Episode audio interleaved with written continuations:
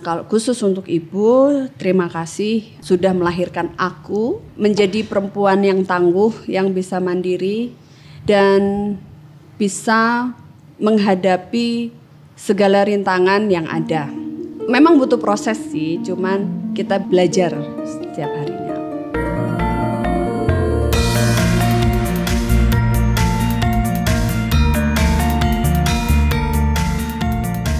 Salam Rahayu, kembali lagi di podcast Rembuk Roso Putri Kedaton. Bulan Desember ini ada momen spesial yang diperingati setiap tanggal 22 Desember, yaitu Hari Ibu. Oleh karena itu, kali ini kami akan mengangkat pembahasan seputar topik tersebut. Jangan lewatkan ya di podcast Rembuk Roso Putri Kedaton ini. Stay tune! Hai Mbak Kirono, Matur Nun sudah meluangkan waktu untuk kita bisa berbincang lagi nih Mbak. Untuk kesekian kalinya kita sudah sering ngobrol di podcast Rembuk Roso Putri Kedaton. Nah, sekarang ini di bulan Desember ada momen spesial yang diperingati oleh bangsa Indonesia setiap tanggal 22 Desember, yakni Hari Ibu. Sebelum aku tanya soal pemaknaannya nih Mbak, mungkin Mbak bisa cerita nggak tentang momen spesial di Hari Ibu untuk ibu kita, Gusti Kanjeng Ratu Hemas? Hmm, pernah tapi tahunnya tahun kapan ya? Aku udah lupa itu udah agak lama. Aku memberikan kartu ucapan yang aku tulis dengan puisi. Jarang-jarang kan? Jadi puisi untuk ibu dan mungkin kalau kamu ke kamar ibu kamu masih bisa lihat ada kartu tuh, kartu ucapan selamat hari ibu gitu. Jadi bentuk rasa bersyukur, bentuk rasa hormat, mempunyai seorang ibu yang seperti ibu kita, ya kan? Yeah.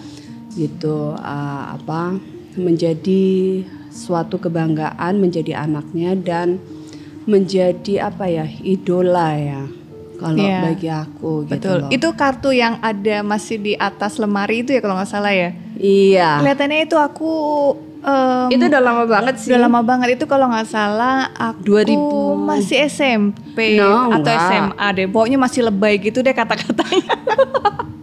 enggak, itu mm, setelah 2000 berapa ya? 2005 kok kalau nggak salah. Oh, berarti kalau sekitar 2005 berarti aku udah kuliah, Mbak. Hmm, ya sekitar ya sekitar itulah iya. gitu lupa sih pastinya. Ya, jarang-jarang kan aku bisa bikin puisi gitu loh. Iya. Penuh penghayatan. Mungkin kita perlu capture itu foto hmm. uh, kartunya ya. Uh, jangan. Oh jangan. Oke okay, oke. Okay. Nanti dicontek. Jadi kelihatan tulisan kita semua kayak gimana aslinya. Hmm. Oke, okay, kita mulai nih Mbak ya. Uh, biasanya Mbak kan punya contekan berita atau info-info sejarah nih penetapan Hari Ibu di Indonesia itu uh, kan sebenarnya berbeda dengan Hari International Mother's Day yang jatuhnya sebenarnya setiap bulan Mei. Nah, dan juga Hari Ayah Nasional yang di Indonesia diperingati setiap bulan November hmm. ya. Nah, kemarin pada seneng banget setelah podcast yang lalu kita membahas hmm. ini dengan para mantu ya. Oh. Okay. Secara internasional ternyata kebanyakan diperingatin di bulan Juni. Nah, hmm. monggo deh Mbak Kirono uh, kenapa Hari Ibu di Indonesia itu diperingati setiap bulan Desember. Oke. Okay. Dari beberapa info nih ya atau sumber yang aku dapat, ceritanya itu cukup menarik. Karena awal mulanya penetapan Hari Ibu di Indonesia itu berawal dari Jogja. Oh begitu. Hmm. Aku juga baru tahu nih. Jadi beberapa bulan setelah adanya Kongres Pemuda tahun 1928 yang melahirkan Sumpah Pemuda tanggal 22 sampai 25 Desember 1928 diadakan Kongres Perempuan Indonesia yang pertama. Hmm. Nah, itu lokasinya di Joyodipuran. Oh, yang okay. saat ini bangunannya itu dipakai untuk kantor Balai Pelestarian Nilai Budaya. Gitu. Lalu kongres itu dihadiri sekitar ya 600-an orang dari 30 organisasi di berbagai tempat di Hindia Belanda waktu itu. Nah, kongres itu membahas isu yang dihadapi oleh perempuan pada saat itu. Contohnya, membuka akses pendidikan kepada anak-anak perempuan, perkawinan anak-anak, ya hmm. ya kan, terus kawin paksa, poligami, perceraian secara sewenang-wenang. Itu. Intinya, kongres tersebut memperjuangkan peran wanita agar bukan hanya sebagai istri dan pelayan suami Setuju saja. banget. Begitu. Munculnya organisasi yang lebih besar yakni Perserikatan Perkumpulan Istri Indonesia yang disingkat PPII gitu. Setelah Indonesia merdeka tahun 1953 Presiden Soekarno menetapkan tanggal 22 Desember itu menjadi tanggal dimulainya Kongres Perempuan pertama tahun 1928 sebagai Hari Ibu. Gitu loh, Jang. Oke. Wah ternyata panjang juga ya sejarahnya ya Mbak. Aku pikir ya 22 Desember ya muncul begitu saja. Ternyata memang banyak ceritanya. Dan lagi-lagi Jogja sebagai pelopornya termasuk gerakan perempuan. Dari ceritanya tadi Mbak, kesanku memang Hari Ibu di Indonesia ini justru untuk menumbuhkan semangat agar para ibu punya peran yang tidak hanya sebagai istilahnya konco winking saja gitu ya. Dan kemudian pada situasi saat ini nih Mbak, kita sering mendengar kalau perempuan Jawa itu saat beranjak dewasa mereka biasanya dipingit gitu Iya. ya. Dan tapi di tahun itu di tahun 1928 pada masa pemerintahan Eyang Sinuun ke-8 berarti ya Mbak ya. Mm-mm. Kongres perempuan diadakan di Jogja loh gitu. Jadi bagaimana nih kira-kira menurut Mbak tentang posisi keraton terhadap perempuan pada zaman itu? Sebenarnya di eh, Keraton Jogja sendiri sejak itu tuh permaisuri tidak hanya memainkan peran sebagai istri, namun juga terlibat dalam ranah pemerintahan kerajaan. Iya, betul. Ya kan? Dari yang sering kita dengar lah era HB 8 itu kan Eyang Sinuun sangat memperhatikan pendidikan tuh. Mm. Nah, putra-putra dalam yang laki-laki disekolahkan sampai ke luar negeri. Nah, yang perempuan nih mengundang guru untuk ke keraton Oke. agar mereka semua tuh bisa belajar gitu. Nah, guru-guru yang diundang itu mengajarkan tentang sejarah, sastra, dan pengetahuan umum. Jadi pendidikan perempuan di keraton pada saat itu tidak terbatas pada ajaran sejarah budaya saja. Nah, kemarin bahkan sempat mendengar kalau putra-putri yang Sinuun ke-8 itu juga diminta belajar kepanduan loh. Oh. Hmm, jadi mereka semua itu diajari kemah Aduh, ya gitu. kemah. Eh, aku mm, lari batu. Saya juga. nah, dan mereka itu hidup mandiri eh, terpisah dari orang tua, sama sepertinya yang Sinuun ke-9. Yang juga ada foto-fotonya berkemah pada saat masih muda beliau. Jadi kepanduan itu kalau zaman sekarang itu adalah pramuka gitu ya. Mbak? Oke. mm. Oke, melihat dari apa yang Mbak sudah ceritakan tadi, eh, lalu bagaimana nih perkembangan kiprah perempuan di dalam keraton sendiri sampai saat ini, Mbak? Dengan posisi kita di dalam keraton, posisi peran perempuan tentunya, bagaimana juga pembagian kerjanya dan sepengetahuan Mbak eh, seperti apa sih di dalam keraton? Ya, tadi kan kita udah bahas ya tentang masalah eh, yang Sinuun ke-8 di mana putra-putri keraton itu mulai mengenyam pendidikan. Ya kan? Nah, kalau sekarang mungkin ya era Sinuun ke-10 lah ya. Itu kan kita memang diajarkan untuk mandiri. Itu nomor satu. Ya, itu nomor satu. Eh, bagaimana menjadi seorang perempuan yang bisa bermanfaat untuk masyarakat luas, gitu.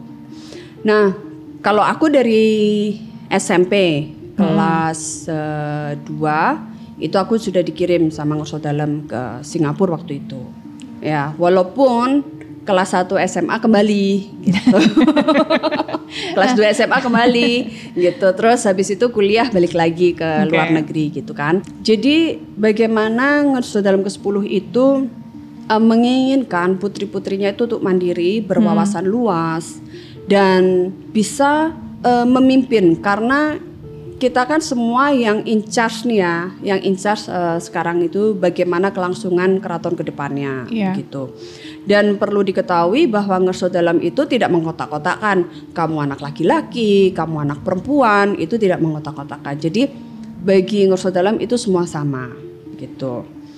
Nah, transformasi itu kan sekarang terlihat jelas ya. Jadi kalau dulu itu seperti ngerso dalam kaping songo eh, yang saya tahu itu kan memang yang menduduki pemerintahan seperti menjadi penghageng satu di dalam keraton itu kan adalah putra-putra Iya. putra-putra dalam Laki-laki. yang laki-laki.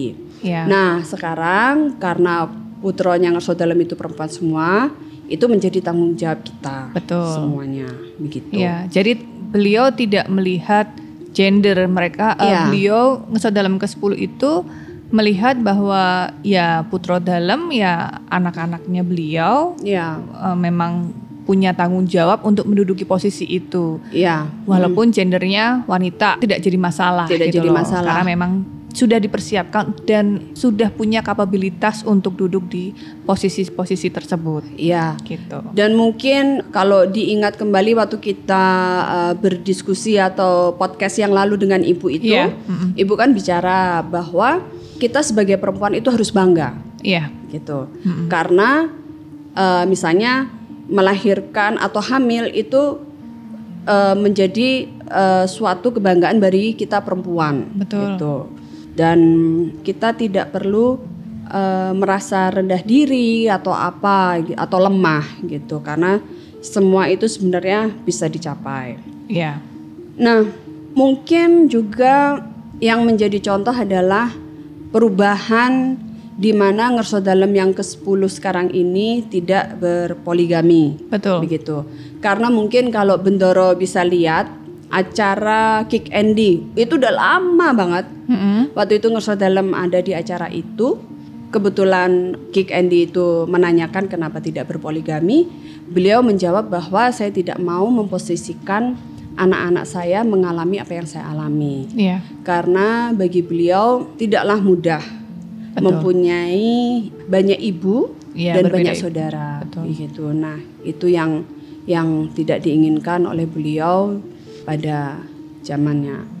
Ya juga dulu sempat seperti uh, Mbak Hayu juga pernah cerita bahwa bagaimana dia benar-benar merasakan bahwa ngesot dalam memang tidak membedakan uh, dalam perihal hal yang kecil saja dalam perihal memilih uh, mainan untuk kita gitu ya. Ataupun me- melihat jurusan pendidikan kita mau apa gitu ya. Jadi benar-benar ya bukan terus anak perempuan tuh harus main pasaran terus gitu tapi Iya. juga main puzzle juga main uh, yang lain gitu Iya. loh jadi sebenarnya permainan atau uh, mainan anak-anak itu kan sebenarnya tidak ada gendernya gitu kan Iya. sebenarnya itu netral jadi Netral. semua anak bisa memainkan uh, mobil-mobilan maupun uh, membersih apa pasaran ataupun apa pun dan juga jurusan sekolah yang kita pilih jurusan kuliah yang kita pilih itu juga sebenarnya tidak ada yang spesifik harus ada gender ini stereotipnya gitu loh. Seperti yang diambil sama Mbak Hayu itu memang banyak kan di kelasnya adalah mayoritas laki-laki. Tapi sebenarnya jurusan tersebut tidak ada spesifikasi atau gender yang mengharuskan itu. Nah dan ngesot dalam juga terbuka untuk itu gitu. Makanya memang saya rasa memang keraton sudah memulai transformasi itu dari bukan hanya 5-6 tahun ini tapi sudah dari Iya. 30 tahun yang lalu saat beliau memutuskan eh, bahkan lebih ya sampai 50 tahun yang lalu ya karena pernikahan beliau kan sudah 50 tahun yang lalu. Jadi bagaimana beliau memutuskan untuk tidak memiliki istri lebih dari satu itu sudah transformasi yang cukup besar Iya. dengan dampaknya yang cukup besar sampai Iya. saat ini Mm-mm, benar. gitu.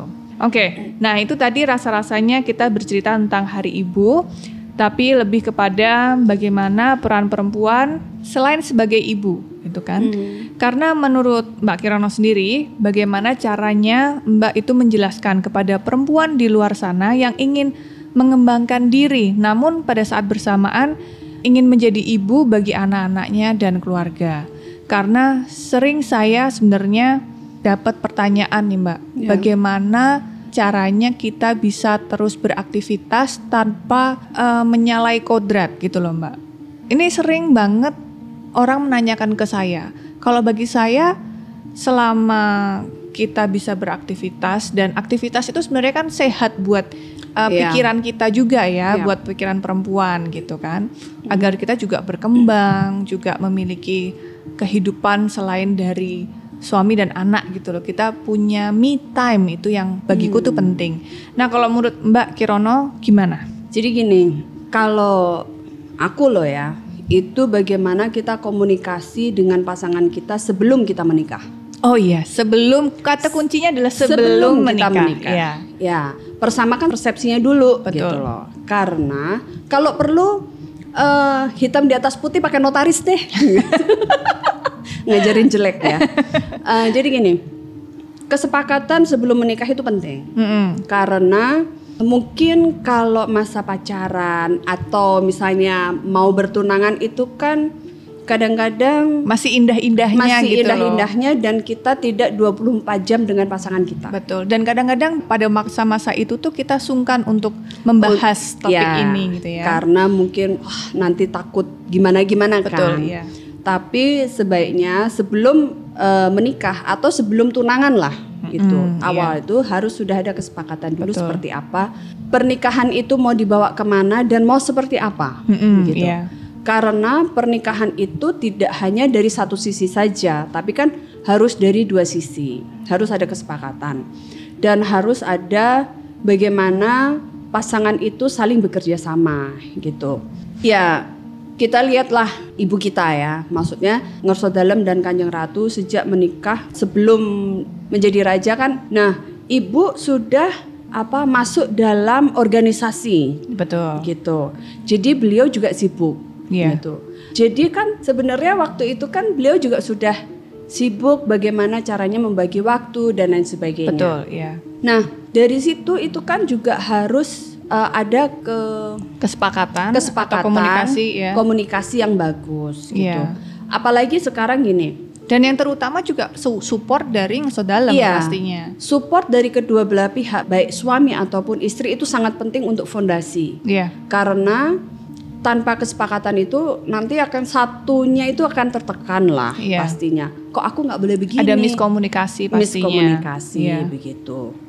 Perempuan itu kalau bisa mempunyai penghasilan sendiri. Yeah. Jadi ya istilahnya apa ya? Income tambahan di rumah tangga gitu Untuk ya. beli bedak, untuk oh. beli lipstick gitu loh maksudnya yeah. gitu. Yeah. Jadi gini, ada beberapa kasus yang masuk di tempat uh, di RDU. Di RDU. RDU itu tempat untuk pusat pelayanan perempuan dan anak korban kekerasan. Oke. Okay. Dari beberapa kasus yang saya terima, itu ada yang misalnya gini, sang suami karena KDRT dia harus masuk penjara. Oke. Okay. Ya kan? Nah, si istri karena tidak biasa bekerja sehingga dia tidak ada nafkah. Betul. Untuk kesehariannya. Iya. Nah, apa yang dilakukan adalah si istri mencabut tuntutan gugatan tersebut. Gugatan tersebut. Hmm. Sehingga dia merasa bahwa ya udahlah nggak apa-apalah KDRT yang penting anak-anakku makan. Oke. Okay. Itu kan kasihan bagi saya betul, betul. gitu loh. Nah, yang kedua adalah misalnya terjadi kecelakaan. Iya. Yeah.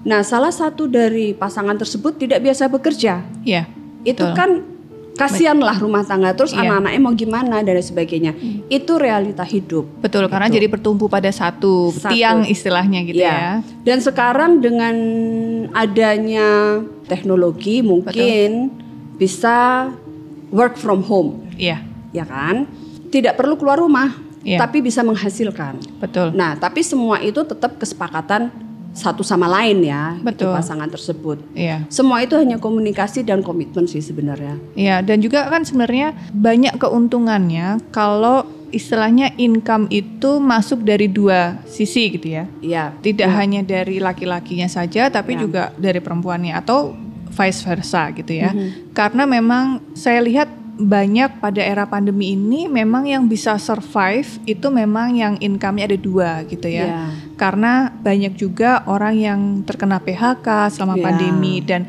kalau memang hanya di satu sisi itu akan sangat berbahaya sekali. Dan terutama kalau misalnya salah satunya itu adalah dari segi bisnis atau misalnya UMKM gitu ya. Dan akhirnya tidak bisa berjualan dengan era pandemi seperti ini ini masih bisa ditutupi oleh income penunjang istilahnya income tambahan tersebut Mhm. gitu.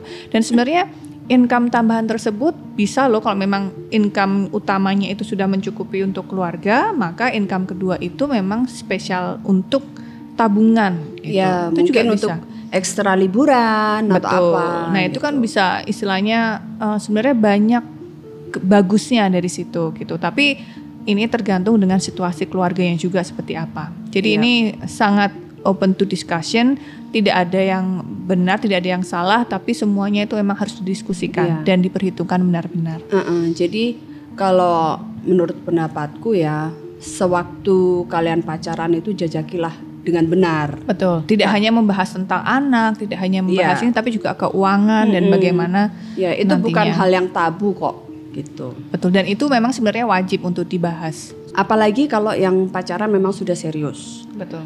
Oke, mungkin pasangan-pasangan itu mungkin masih malu ya kalau mau Iya. membuka masalah itu. Mm-mm. Mungkin bisa dibahas setelah misalnya mereka bertunangan gitu juga Iya. masih bisa kan masih tunangan ya Oh, gitu. Oke.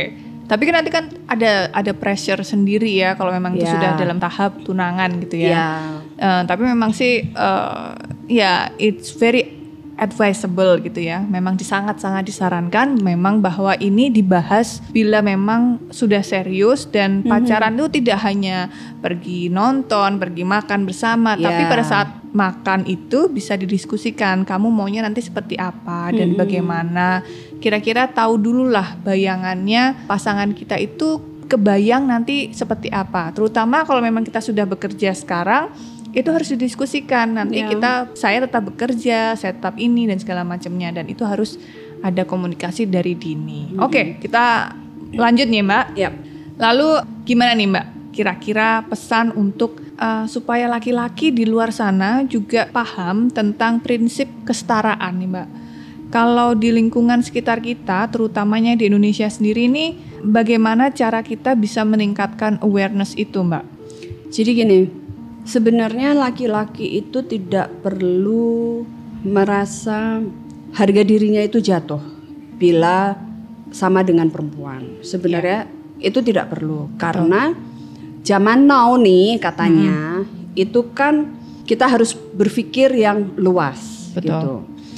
Sebenarnya gini, setiap kali ada seminar atau pelatihan tentang perempuan, tentang kekerasan atau bagaimana mengasuh anak, kita juga mengundang para lelaki-laki gitu. Dan juga banyak kok yang datang Iya. gitu loh. Jadi sekarang itu bukan seperti zaman dulu ya. Banyak yang merasa bahwa oh itu ranahnya perempuan Hmm. gitu. Jadi sekarang sebenarnya banyak kok laki-laki juga yang mengerti. Kalau misalnya malu bisa kan Google di internet. Apa sih yang perlu betul dan apa yang tidak gitu. Dan sangat disayangkan bila pemikiran laki-laki itu masih sempit Iya. begitu. Karena dunia itu luas. Betul. Dan sebenarnya kalau dibilang nih Mbak, ada semacam pressure juga untuk seorang laki-laki itu menjadi pemasukan tunggal tadi. Itu kan Iya. juga pressure yang cukup besar bahwa saya harus sukses dalam berkarir. Kalau tidak nanti anak saya makan apa dan segala macam. Kalau beban ini bisa dibagi berdua dengan istri, Iya, kan otomatis lebih kan mudah. lebih mudah ya. Jadi kita juga tetap termotivasi untuk bekerja, Ya. si suami tetap termotivasi bekerja, tapi tidak dalam pressure yang cukup kayak kayak di press cooker gitu loh mbak. Jadi kan bisa berbagi, hal Ya. itu kan bisa berbagi. Nah ini adalah kegunaan pernikahan itu adalah untuk berbagi ini Ya. dan juga itu yang termasuk adalah kesetaraan. Jadi saling tidak menuntut tapi saling berbagi. Ya, saling menghormati juga lah. Betul, ya. Jadi juga perempuan misalnya kan ada nih ya pasangan yang misalnya laki-laki itu pendapatannya lebih rendah daripada Perempuannya. eh, perempuannya. Betul, Nggak perlu minder ya. gitu loh. Jadi bagaimana juga perempuannya menghormati apa yang Hasilkan, dihasilkan oleh, oleh, suaminya. suaminya. Betul. gitu. Dan tidak mengucilkan juga. Iya. gitu. Begitu. Nah, ada juga nih Mbak, ada semacam pressure untuk seorang perempuan itu memilih antara berkarir atau di rumah gitu ya. Uh, bekerja atau di rumah. Nah, ini sebenarnya itu kan bukan suatu pilihan karena zaman sekarang ini banyak sekali cara yang bisa kita lakukan untuk mencampur kedua-duanya ini. Nah, menurut Mbak Kirono gimana? Ya, sebenarnya gini, semua itu tergantung kembali ke pasangan masing-masing ya. Bagaimana mereka maunya gitu. Tapi tidak menutup kemungkinan perempuan itu bisa memilih dua-duanya. Ada cara banyak. Misalnya, kalau memang belum pada punya anak. Iya. Kayak temanku ada yang masih uh, apa belum punya anak, itu mereka memang tidak punya pembantu, Mm-mm. tapi mereka saling membantu untuk membersihkan rumah. Oke. Jadi misalnya gini, oke, misalnya kalau breakfast siapa yang masak, siapa ini, terus nanti kalau ada yang lembur, siapa yang membersihkan duluan dan lain sebagainya. Ya. Itu mudah ya karena kalau belum punya anak itu kan bisa lah gampang lah. Itu ya jadi aktivitas bersama. aktivitas bersama. Tapi kalau misalnya sudah punya anak, mungkin kita bisa hire atau kita bisa mempunyai uh, babysitter atau yang menolong kita lah untuk membersihkan Iya. rumah. Gitu. Kalau misalnya nih ya, sekarang itu kan banyak apa yang ada service untuk cleaning service rumah itu kan juga ada kan ya. Iya. Gitu. Tapi kan memang harus ada yang menjaga di dalam situ juga Betul. kan. Nah, mungkin sebenarnya semua fasilitas itu ada. Betul. Semua fasilitas itu ada, tinggal kita bagaimana cara kita mengaturnya dan berpikir yang mana yang tepat, mana yang enggak sih. Oke. Nah, itu kan memang bagi yang mampu untuk Mm-mm. uh, meng-hire atau Ya. punya keleluasaan itu, Mbak. Mm-mm. Tapi memang sebenarnya ada alternatif lagi di mana si ibu itu tetap di rumah tetapi bisa menghasilkan juga dari rumah. Ya. Dan sebenarnya itu sudah opsi itu sudah terbuka zaman sekarang Yap. gitu ya. Dengan banyaknya reseller, dengan uh, banyaknya home production dan ya segala mungkin kayak macamnya. bikin roti atau apa Betul, makanan iya. ya kan. Jadi nominal income itu tidak perlu significantly besar gitu Mhm. ya. Tetapi paling tidak dengan kita punya aktivitas yang bisa menghasilkan income tambahan itu Mhm. bisa menjadi suatu tabungan. Dan juga tidak hanya kita tuh di rumah terus gitu ya. Karena saya sempat menemui seorang ibu yang memang dia akhirnya dunianya di sekitar suaminya. Jadi pada saat suaminya kerja ya dia cuman WA sama suaminya lagi ngapain, sedang apa dan segala macam. Jadinya dia terisolasi diri gitu loh Mbak. Sedangkan bagi kita perempuan itu kita butuh wawasan yang segar setiap saat dan update sampai dini karena ini dibutuhkan untuk kita bisa memberikan fresh ide kepada anak kita Ya. gitu ya. Uh, up to date itu tuh penting untuk kita bisa mengajarkan ke anak kita. Nah ini yang saya rasa bisa didapat dari uh, ngobrol dengan ibu-ibu, Ya. ngobrol dengan rekan bisnis atau baca dari internet. Ya. Tetapi bacaan yang sehat gitu ya dari internet, tidak hanya tentang gosip gitu kan, ngobrol dengan tetangga tentang gosip. Nah ini juga uh, menyempitkan pola pikir kita sebagai perempuan. Ya. Oke. A- ada juga sih kayak misalnya teman-teman saya, dia punya empat orang anak. Wow. Beliau dosen dan beliau mempunyai eh, apa usaha di rumah. Iya. Dia itu super sibuk, Mm-mm. tapi karena adanya komunikasi yang dibangun bersama suaminya dan kerjasama yang baik menjadi teamwork yang baik, mereka oke-oke aja dan mereka Ya. bahagia dan nggak ada masalah gitu. Dan yang pasti saya rasa perempuan itu tidak boleh mengejudge satu perempuan dengan perempuan Iya. lain gitu ya. Ini kadang yang menjadi topik sensitif adalah itu Mbak. Jadi bagi ibu-ibu yang di rumah saja menghakimi ibu yang sibuk lembur Iya. di luar sana dan juga ibu yang bekerja berkarir juga menghakimi ibu yang di rumah saja. Sebenarnya tidak ada yang salah dua-duanya tergantung keputusan dari hidup mereka masing-masing. Ya. Jadi kita perempuan itu harus saling memotivasi perempuan lain, bukan menghakimi perempuan lain gitu ya. Nah, jadi mumpung kita lagi tadi sempat membahas tentang RDU nih Mbak, tentang Reksodia Utami. Eh, mungkin yang mendengar podcast hari ini tuh mau tahu caranya nih Mbak, bagaimana melapor ke RDU.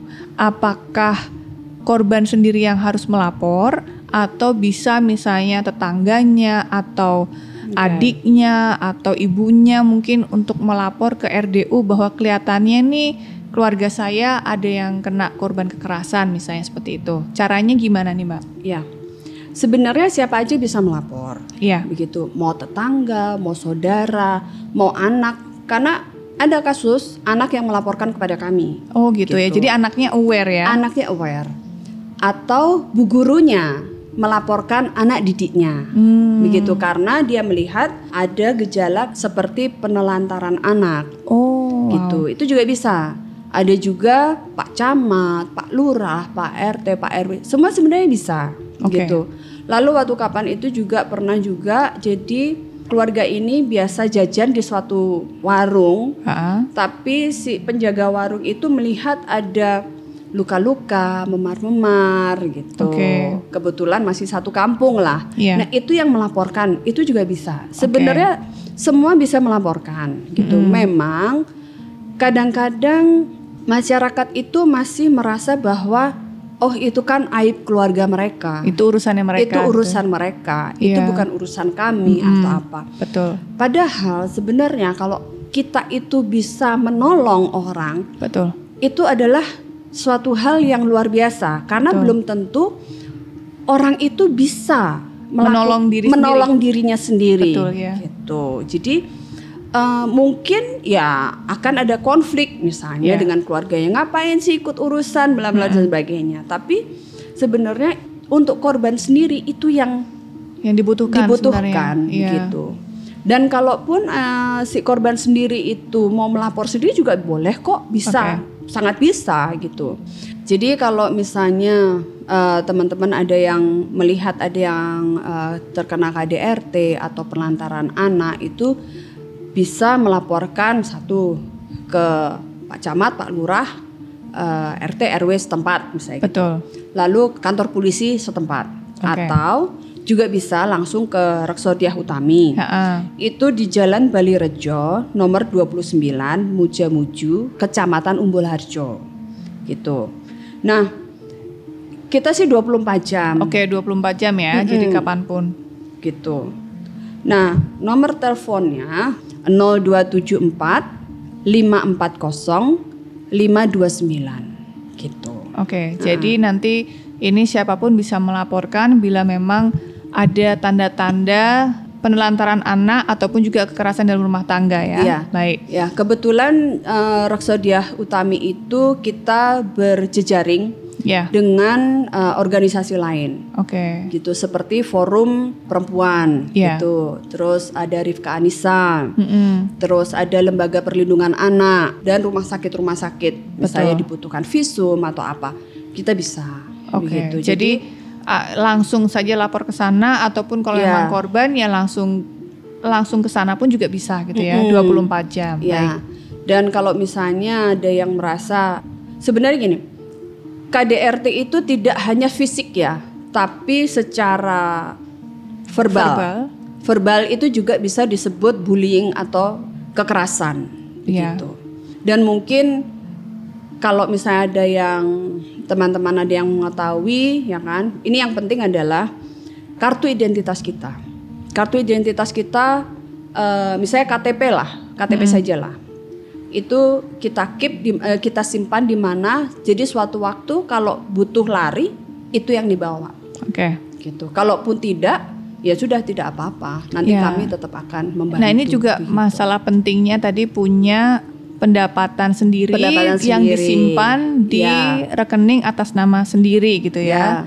Dan ini layanan Reksodia Utami itu kan gratis ya. Jadi memang perlindungan gratis Ya. eh, dan kita buka 24 jam. Mhm. Terakhir nih ya Mbak, dalam semangat Hari Ibu eh, ada pesan nggak dari Mbak Kirono kepada perempuan di luar sana ataupun juga untuk eh, ibu kita sendiri, Ibu GKR Mas? Ya, untuk ibu dulu ya. Boleh. Kalau khusus untuk ibu, terima kasih sudah melahirkan aku. Iya, itu yang pertama. Mm-mm. menjadi perempuan yang tangguh, yang bisa mandiri dan bisa menghadapi segala rintangan yang ada. Memang butuh proses sih, cuman kita belajar setiap harinya. Iya, kalau saya tuh Mbak, hmm. bukan hanya di Lebaran, tapi juga di Hari Ibu, saya tuh pertama-tama adalah saya minta maaf sudah merepotkan. Karena yang paling bawel dan kelihatannya uh, paling bandel katanya aku deh gitu hmm, kan. Emang Um, jadi gitu ya. Selalunya di hari ibu adalah minta maaf. Minta maaf. Jadi ibu. bukan hanya lebaran ya, bukan setahun dua lebaran. kali ya. Setahun dua kali biar plong gitu loh Kalau ibu bisa setiap bulan gitu. Maksudnya setiap bulan sungkem sama uh, Mbak gitu ya. Oke. Okay. Untuk ibu. Oh, untuk ibu. Ya, untuk perempuan di sana hmm. jadilah perempuan uh, yang mandiri, yang tangguh, yang mempunyai prinsip hidup untuk diri sendiri baru untuk sekelilingnya. Ya, gitu. oke. Okay. Terima kasih nih Mbak. Hari ini kita di podcast kali ini benar-benar menarik banget. Jadi memang perempuan itu harus mandiri secara pikiran, secara rekening tabungan pun kita juga diperlukan untuk ada kemandirian ya, gitu ya. Karena memang itu ego a long way istilahnya ya. ya. Karena seorang perempuan itu kan uh, harus tetap pikirannya itu sehat dan jernih dan juga maju karena bukan hanya untuk diri kita sendiri, ya. tapi tentu kita juga untuk uh, suami dan anak kita ya. di masa yang datang. Oke, terima kasih nih Mbak sudah menularkan energi yang begitu luar biasa pada kesempatan kali ini, terutama banyak hal yang bisa dilakukan oleh ibu-ibu ya, gitu ya. Hmm. Jadi Semoga sedikit banyak obrolan kita ini bisa bermanfaat bagi ya. ibu-ibu ya. semua perempuan yang di luar sana siapa pun yang mendukung adanya kesetaraan gitu ya. Dan nggak terasa nih durasi ngobrolnya kita kali ini nih lumayan panjang. Ini pada baru berdua aja ya, hmm. belum ada ibu kita yang hmm. ikut nimbrung. Dan belum ada yang lainnya. Betul. Nah, Mbak sepertinya sama adik. Betul. Nah, sepertinya saat ini sudah uh, kita cukup di sini saja, Mbak. Ya. Matur nuwun ya Mbak atas waktunya. Kita sambung lagi ngobrolnya untuk tema-tema berikutnya. Sekian dulu bahasan podcast Rembuk Rosso Putri Kedaton edisi Hari Ibu yang kali ini. Sampai jumpa pada episode lainnya dengan bahasan yang tidak kalah seru. Matur nuwun dan pareng.